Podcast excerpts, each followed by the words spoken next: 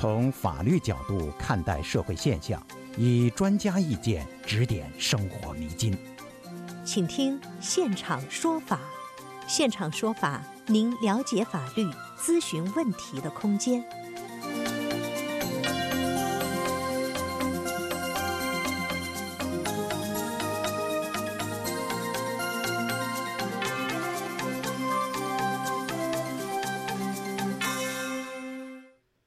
众朋友们，大家好，欢迎大家继续收听 SBS 广播中文普通话节目每周二的现场说法，我是主持人雨蝶。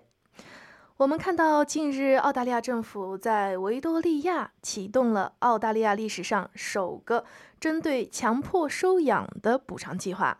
该计划将因将为因强迫收养而与孩子失散的女性提供补偿和支持。关于这个话题呢，我们今天特别邀请到朗伦律师事务所 Lauren Legal 主任律师张卓轩，在之后呢会和我们聊一聊强迫收养和涉及政府的集体诉讼相关话题。嗯，届时呢，欢迎您拨打热线电话一三零零七九九三二三一三零零七九九三二三，参与我们的节目咨询任何法律相关问题。张律师您好，可以听见我吗？哎，您好，苏菲亚。哎，张律师您好。那今天呢，我们想要跟您探讨一下有关强制收养相关的话题。呃，我们可以看到有一个案例啊，有一位来自墨尔本的女性呢，裘德哈德森，她在一九六九年十五岁的时候未婚生下一名女婴之后呢，还没有见到女儿的脸庞，她就被带离了现场。那五十五年后的今天，她成为了首批申请澳大利亚首个新设立的补救计划的人之一。那想跟您探讨一下，什么是强迫收养呢？呃，这个刚刚主持人讲到的这个强迫收养的呃情况呢，是澳洲曾经有一段时间的一种特殊的一个现象，它是发生在大约是二十世纪下半叶，也就大约是在一九五零年到一九八零年这段时间。当时的话呢，就是有很多的这个嗯还。还没有结婚，就是未婚先孕的母亲，然后呢，他们在当时的社会舆论下，是被认为是这个行为是有害于他们将来的前程，或者是对他们的家族是一种耻辱，因此呢，他们生下的孩子呢，都会偷偷的未经他们允许的情况下就被带走，甚至呢，是有一些呃这种有政府背景的收养机构，或者有宗教背景的一些。机构参与到这个行为当中，由医生和护士协助把这些婴儿送给这些机构，然后呢，再由这些机构，呃的帮助下呢，去寻找一些他们当时认为说，这个有能力来给这些呃孩子提供好的教育的这些未婚的呃呃，sorry 已婚的这些夫妻，嗯，来收养他们，然后呢，出现的让人最发指的情况就是，不光有一些母亲是没见过孩子的。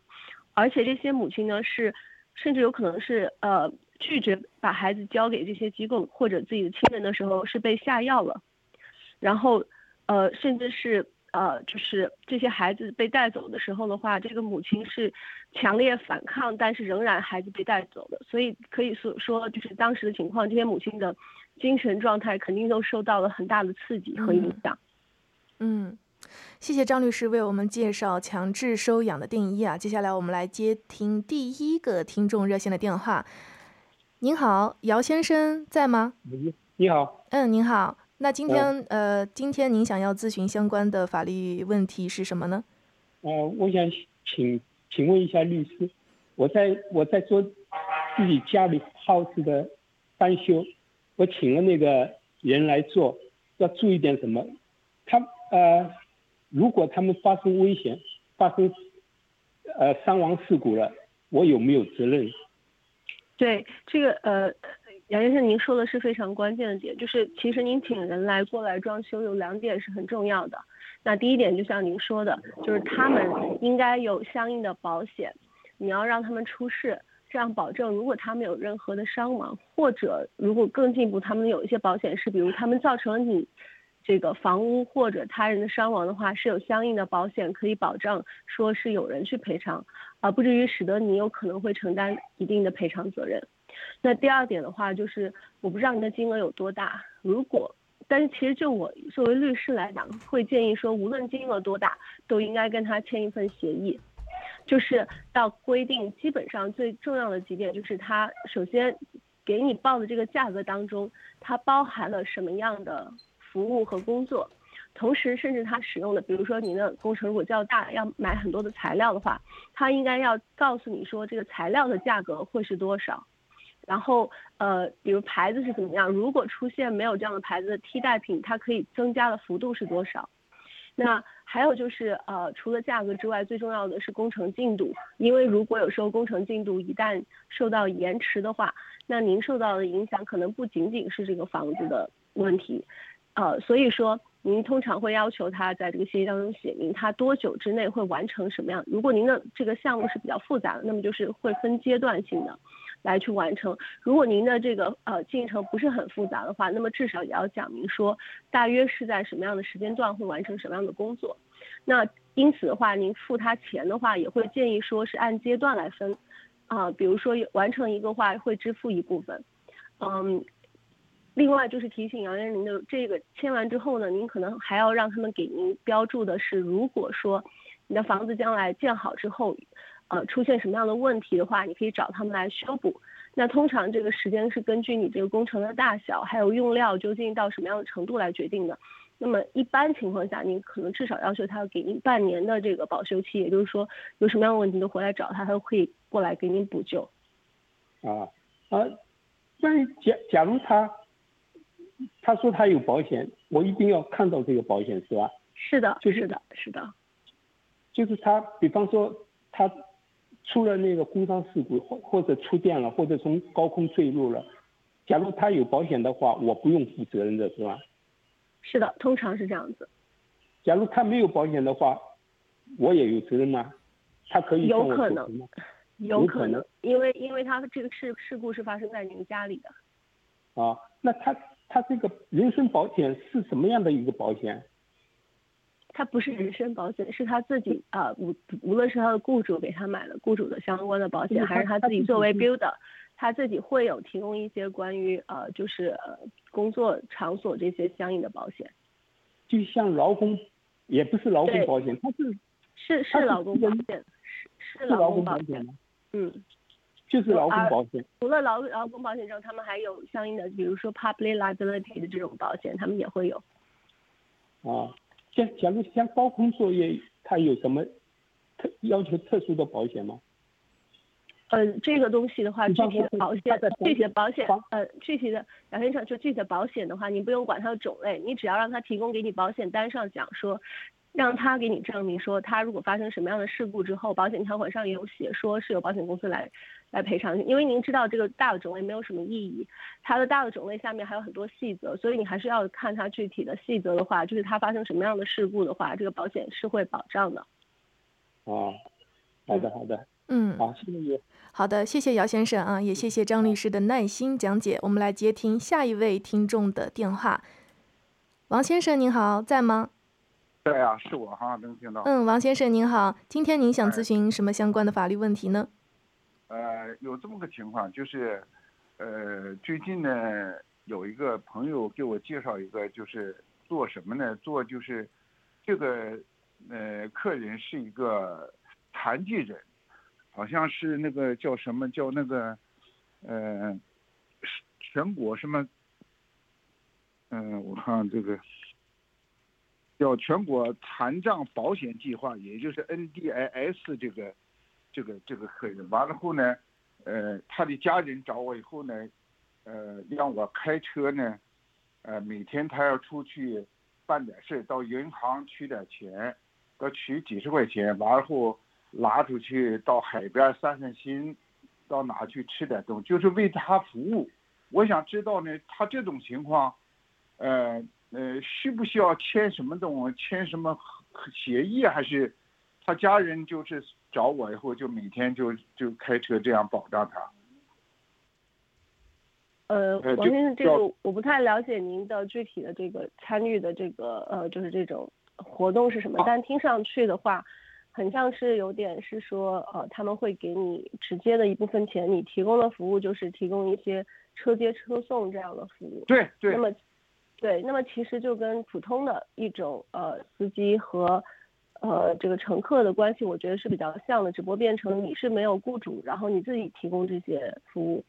所以说，呃，如果说您能够跟他签一个协议，把一些最基本的这个。权利义务规定一下，对您来讲肯定是有一定保障的。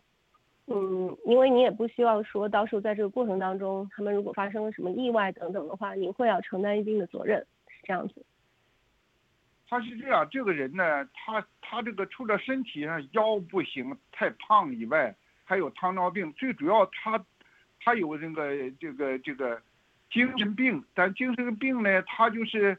时好时坏那种，哎，就是这种，我就担心。所以王先生，对您的担心是有有道理的。所以您可能会建议他们应当由这个家人来陪伴，因为毕竟您没有经过一些专业的训练。如果说在这个过程当中，无论是对他造成了什么样的影响，或者是甚至对您本人造成什么样影响，您都可能没有相应的知识和技能去应对。对呀，我也是这么这么，就是开着机，他有时候就是突然间就就。发起火来了，就就就就有点就失控那个感觉，我都有点我一看情况，对，就我觉得至少你会要求他们的这个家人的话，给你提供一些培训，或者是应当有家人在陪伴，你只是提供这个车接车送的服务，而不是提供其他的服务。他家人没有陪伴，只是让我车接车送，他要到哪去？就让我对，所以您您就要考虑是否再要接这个工作了，因为的确像您说的，您这个工作如果没有一定的这些方面的知识的话，对您本人来讲还是有一定的风险的。那你呃，他最后能有什么风险呢？就是这种情况，就是说有可能会造成他的病情加重或者什么，他们会可能对你本人进行诉讼，或者是你本人没有这方面的知识和能力的话，你其实。在跟他接触过程当中，你会造成你的精神和这个主要是精神上的这些不良的影响。对他就是给我造成，我都有点那个什么了，就是说，就是我都有点我都打怵了，我就所以说想就就咨询一下，这这种情况是会对我要是没什么太大影响的话。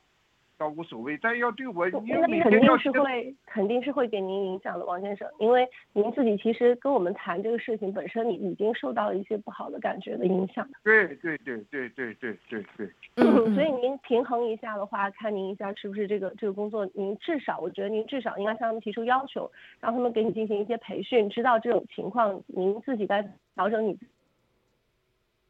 那他他就就算给我培训的话。但是他这个这个人在每天接触当中，还是有一些语言上啊，是是是胡说八道啊，甚至这个这个哈这个等等一些这个语言语言攻击也好，还是怎么样？嗯，好的，非常谢谢王先生啊，我们的张律师有一些掉线，那同时也非常感谢张律师对我们的耐心讲解。稍事休息一下呢，让我们快速回顾一下国内国际的重大新闻事件，稍后回来我们再继续接通听众的电话。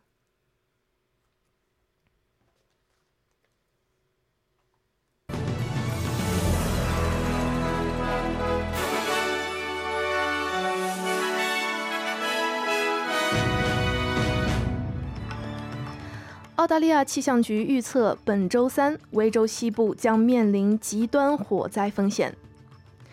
在巴布亚新几内亚偏远地区被绑架的一名澳大利亚直升机飞行员和两名当地人已经获释，并且未有受伤。新南威尔士州警方表示，他们已撤回参加悉尼同性恋狂欢节游行的邀请。此前，狂欢节委员会开会讨论了要求禁止警方参加游行的呼声。该呼声是在一对悉尼的伴侣失踪后，一名现役警官被控谋杀而引发的。前北领地警察扎卡里·罗尔夫在审讯中表示，带有种族主义色彩的用语在该地区的警察部队已经十分常见。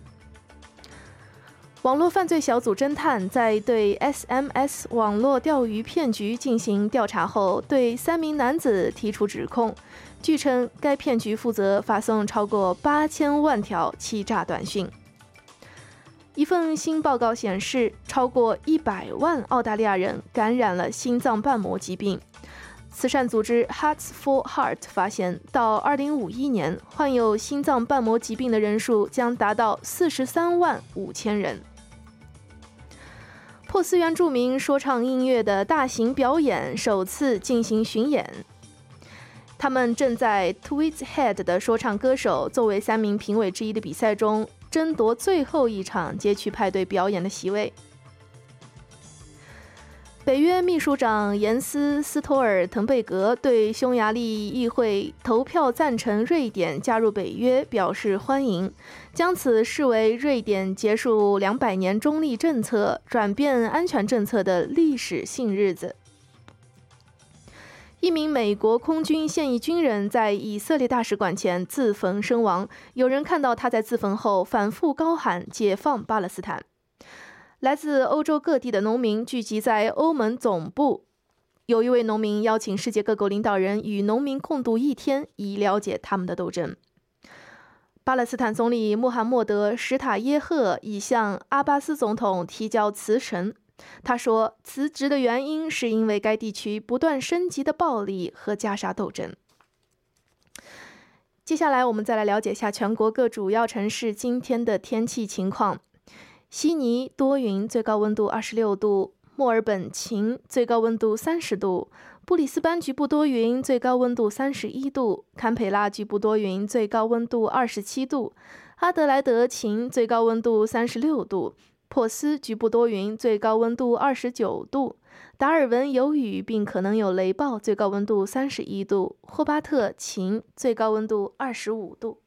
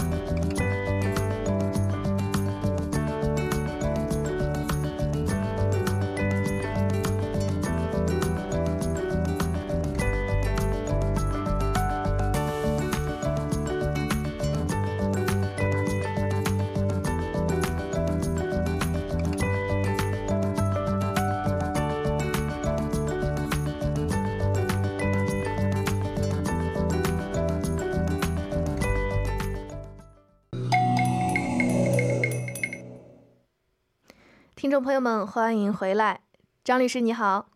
您好，嗯，刚才张律师为我们详细介绍了强迫收养的定义，也为我们的听众朋友们解答了许多疑惑。接下来呢，继续接通我们的听众热线电话。下一个电话是肖先生，肖先生你好。你好。哎，你好，肖先生，今天您有什么想要咨询的相关法律问题呢？呃，是这样的，呃，我是八年前的话哈，随我女儿哈移民到澳洲来了。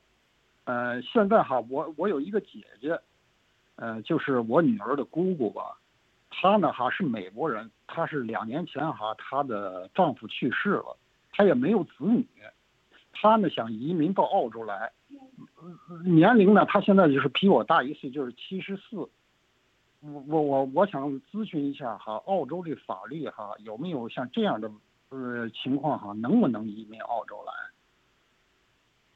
呃，山先生是这样子，因为我本人不做任何的移民业务，我的建议的话，您还是需要专门去找一个相关的移民的律师来去咨询具体的这个移民的法律问题。嗯哦，嗯嗯，因为澳洲的确是它对于各方面的这个类别，什么样的人可以过来，年龄的限制，这些都是有很严格的细则的要求。如果你达不到的话，应该是比较移民是比较困难的。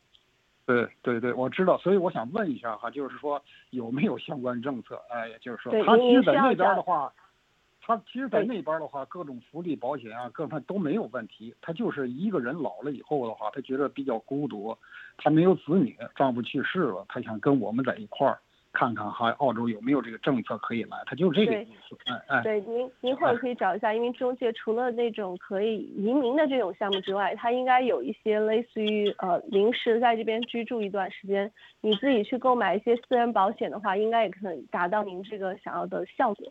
嗯嗯，这边建议肖先生您联系专门的移民律师进行咨询，好吧？今天谢谢你。好的，谢谢啊，谢谢律师，谢谢主持人。嗯，没问题。我们接听下一位听众的电话，下一位是洪先生，洪先生你好。哎，你好，张律师，早上好。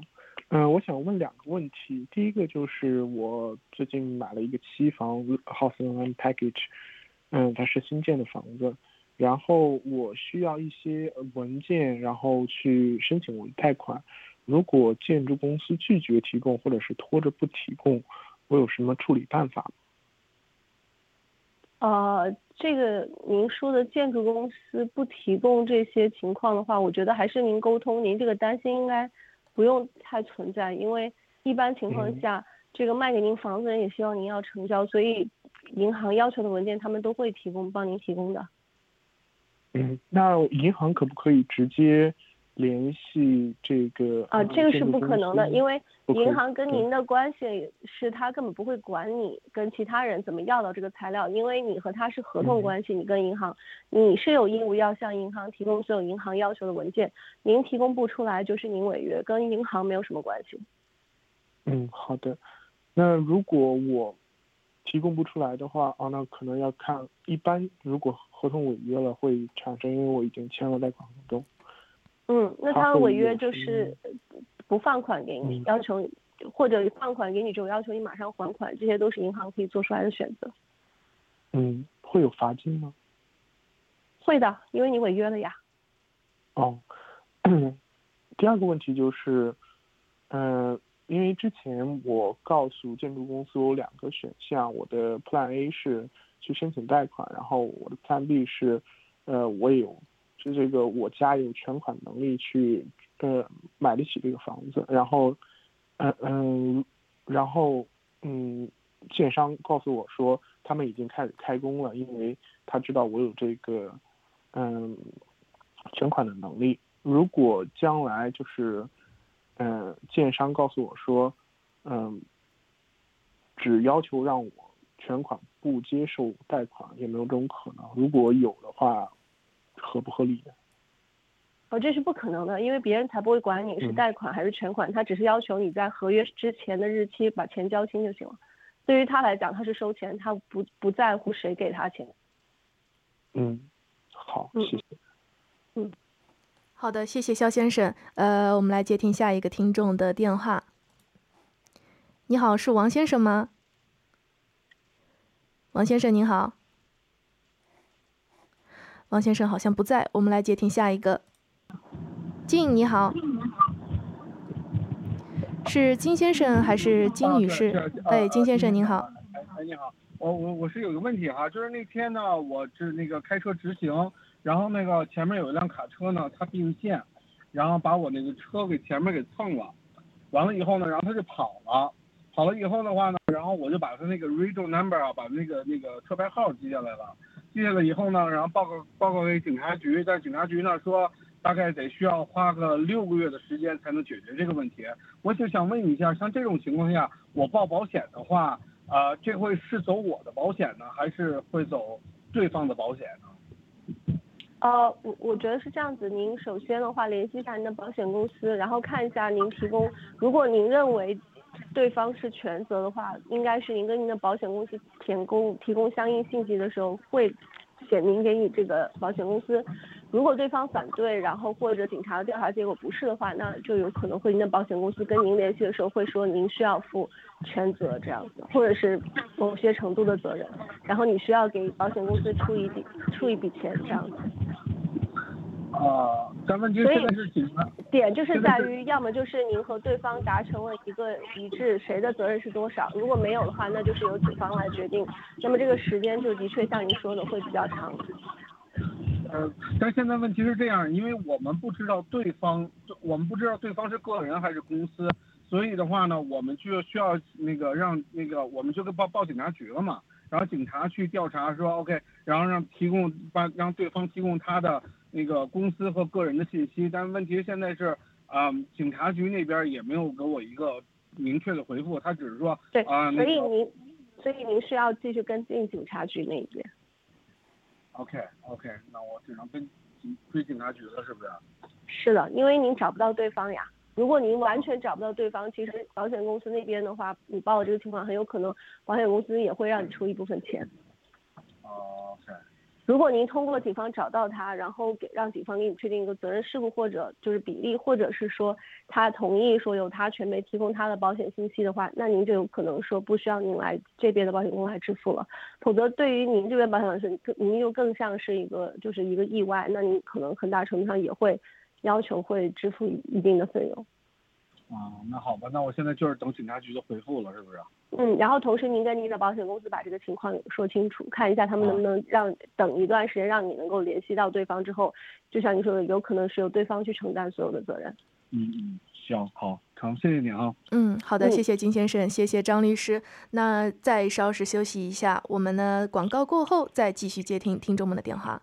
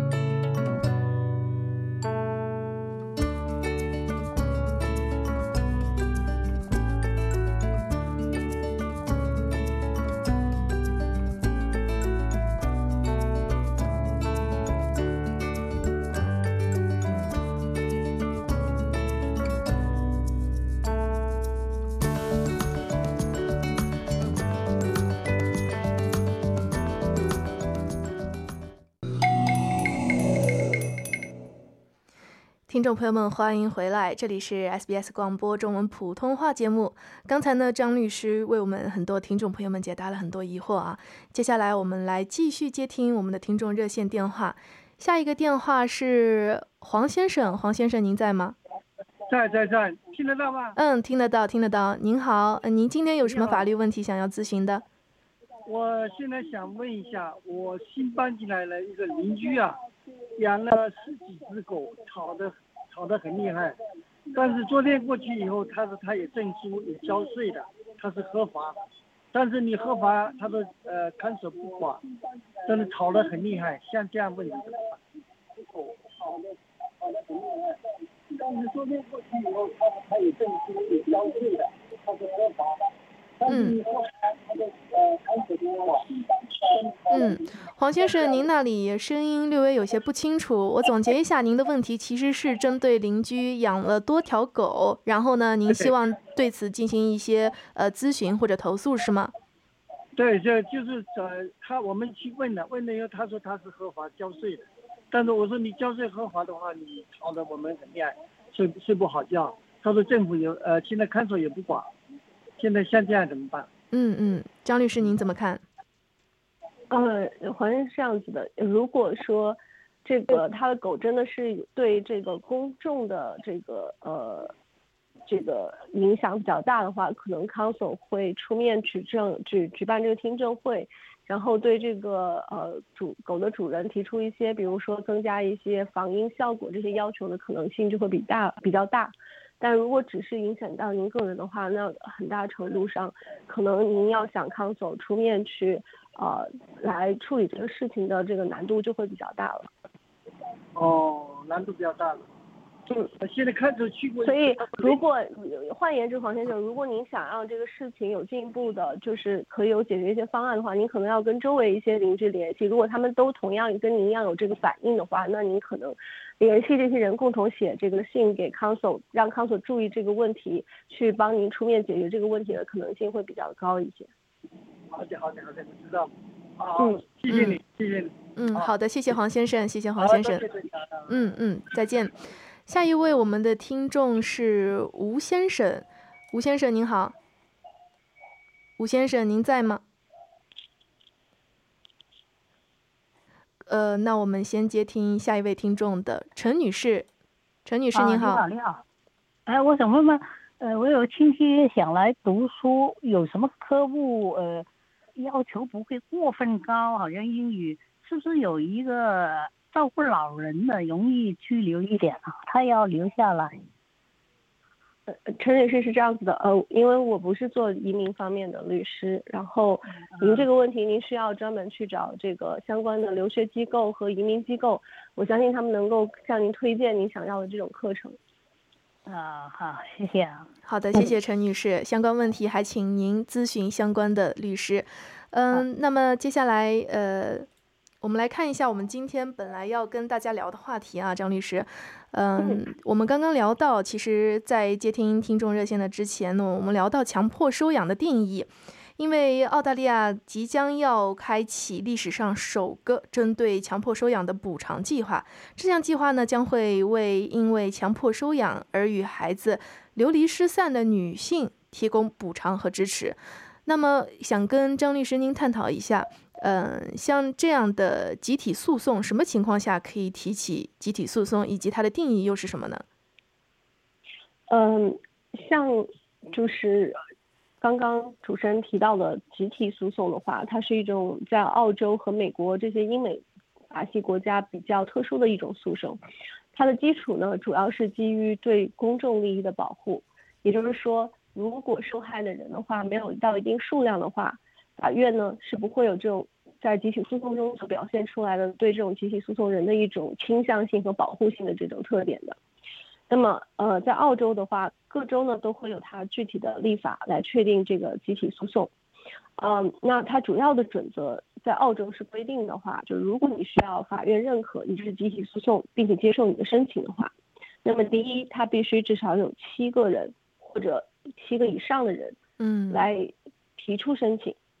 然后第二的话，就是这些人所要提请的这个申，他们可以是其中一个人作为被告的名字写上去。呃，sorry，原告的名字写上去，然后他们所提供的这个提出的这个诉讼的索赔要求的话呢，它必须得是一个共同的事件，比如像这个事情当中的话，你是都是出现的是孩子被人家拿走出生的时候，而且是强行的违背母亲意愿的情况下，然后发生的都是在这段时间的这种特殊的机构性造成的这种后果，那或者是这个呃类似的这种情况，那么只要是有这些共同特性的事件和情况，都是这些受害人发生的这些原因的话，那么他们都可以联合起来向法院提交一个这个诉讼申请。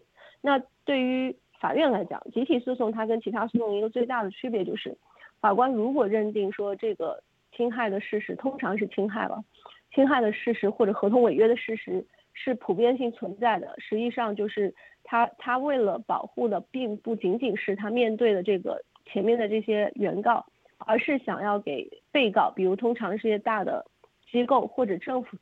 政府机构一个警告，就是说你们这个行为的话，是实际上是会影响到每一个普通人的，所以说要对你们做一个惩罚的话，是是实际上不光是要补偿这些。呃，受害的人，同时让你们明白说，将来这种事情不可以再发生。嗯嗯嗯，好的，谢谢张律师，今天又学到了很多知识啊。由于时间的关系呢，听众朋友们又要和您说再见了。因个人情况因人而异，法律问题复杂，本节目仅供一般性参考，并无意提供任何个案法律建议。具体法律纠纷，请您咨询专业律师。我是主持人雨蝶，明天同一时间 SBS 广播与您准时相约。